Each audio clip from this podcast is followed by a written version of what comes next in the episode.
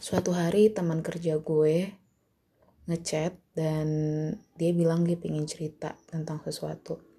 Terus gue hampirin dia dan gue tanya dia mau cerita apa. Di dalam ceritanya itu dia minta pendapat sama gue tentang apa yang baru saja terjadi sama dia. And I'm the first person that he want she wants to know gitu kan.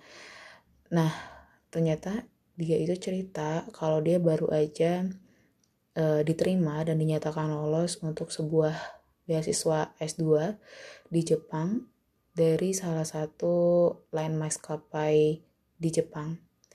Dan she becomes the one and only from Indonesia that got that scholarship kayak gitu. Gue pertama kali pas dengar berita itu tentu perasaan gue senang, bangga dan kayak takjub gitu karena dia jadi orang satu-satunya di Indonesia yang lolos di beasiswa itu dan dia udah um, mendaftar beasiswa ini untuk dua tahun yang lalu dari dua tahun yang lalu dan baru dinyatakan lulus tahun ini. Terus abis dia cerita dia nanya pendapat sama gue. Sebaiknya bagaimana sikap yang harus dia ambil? Apakah dia terima tawaran beasiswa itu ataukah dia tetap melanjutkan pekerjaannya saat ini? Which is kita dalam satu kantor yang sama. Gue pas mendengar pertanyaan itu sedikit kaget gitu. Um, kenapa ya masih ada orang yang berpikir dua kali untuk menerima sebuah uh, beasiswa? Jika itu perbandingannya antara pekerjaan dan juga uh, kesempatan untuk lanjut S2 dan yang bikin gue heran lagi adalah alasan dia bingung atau merasa harus memikirkan ini lebih lanjut itu karena dia baru aja dijadiin karyawan tetap dan kemudian kalau ditotalin uh, masa kerja dia kerja di saat ini sampai akhirnya dia nanti bisa pergi dan melanjutkan S2 itu kemungkinan dia masa kerjanya kurang lebih cuma setahun dan dia takut dan dia merasa segan gitu sama orang-orang kantor atau mungkin dia segan dengan uh, kondisi kerja yang menurut dia udah sangat nyaman dan dia merasa segan aja untuk meninggalkan kebaikan serta kenyamanan yang dia dapatkan di di kantor ini gitu. Uh, Terus gue pas pertama kali denger cerita dia dan sudut pandang dia kenapa bisa terfikirkan hal itu, gue merasa kayak itu harus dikembalikan lagi ke dalam tujuan hidupnya dia gitu. Menurut gue, kalau seandainya gue jadi dia dan emang ada aspirasi ingin berkarir sebagai dosen, which is dia yang mau jadi dosen itu, gue akan berpikir untuk ngambil kesempatan beasiswa S2 ini karena uh, jalan yang paling baik untuk menempuh profesi dosen memang dari jalur akademisi. Salah satunya adalah dengan melanjutkan pendidikan, yaitu di S2 atau mungkin nanti lanjut lagi sampai S3, kayak gitu.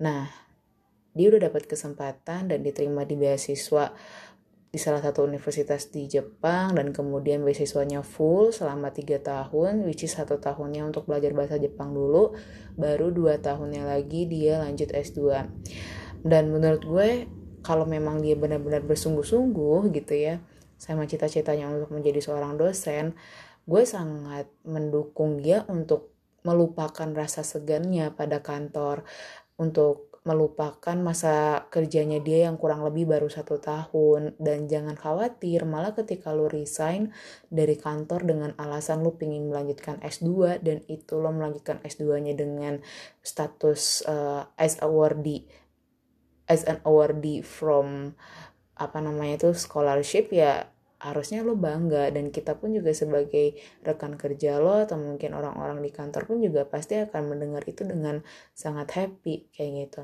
Jadi ketika teman gue cerita itu dan dia minta pendapat gue sangat menyarankan dia untuk mengembalikan kembali sih kepada keseriusannya untuk menjadi seorang dosen kayak gitu. Karena gue sangat memahami bahwasanya karir sebagai dosen ini di dunia akademisi itu memang yang paling baik ditempuh lewat jalur pendidikan. Dan gue udah sempat dapat saran ini dari beberapa tahun yang lalu dari seseorang yang menurut gue uh, she is my teacher gitu lah ya. Kayak dia adalah role model gue dalam membuat sebuah keputusan penting dalam hidup kayak gitu. Dan dia selalu mengajarkan kita ya maksudnya nggak cuman gue tapi ada beberapa teman-teman yang lain untuk uh, memikirkan jalur karir di masa depan itu dengan cara dikembalikan lagi. Apa tujuan dalam hidup lo apa yang pingin lo capai kayak gitu. Kalau seandainya emang lo punya keinginan atau tujuan untuk jadi seorang dosen untuk jadi seorang akademisi peneliti uh, researcher kayak gitu ya ya jalur yang paling baik memang lo harus tempuh itu lewat pendidikan, melanjutkan pendidikan ke jenjang S2, S3, kayak gitu kan. Tapi kalau seandainya aspirasi karir lo adalah sebagai praktisi, uh, the best way-nya adalah ya lo harus dapat pengalaman kerja dulu nih di lapangan biar lo punya framework yang nyata tentang dunia kerja seperti apa kemudian bagaimana sih pengimplementasian secara nyata di lapangan terkait dengan ilmu-ilmu yang udah lo uh, apa namanya lo pelajarin di perkuliahan sama di lapangan tuh kayak gimana sih dan bagaimana cara untuk uh, mengimplementasikan itu semua. Makanya uh, gue sangat memegang teguh itu sih ketika ada orang yang bertanya kepada gue apa yang harus dia lakukan setelah lulus eh setelah lulus kuliah lebih baik melanjutkan lagi S2 atau kerja dulu. Dan gue selalu menyarankan orang-orang yang bertanya hal tersebut ke gue untuk memikirkan kembali apakah aspirasi karirnya ada di dalam dunia akademisi atau di atau sebagai praktisi. Dan gue selalu mengembalikan kalau lo mau emang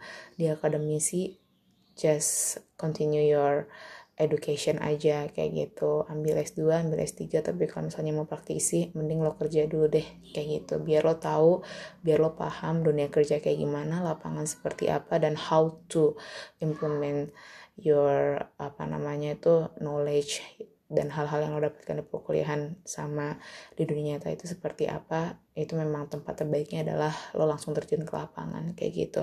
So that's it buat semua orang yang selalu bertanya lebih baik lanjut kuliah atau mendingan kerja dulu?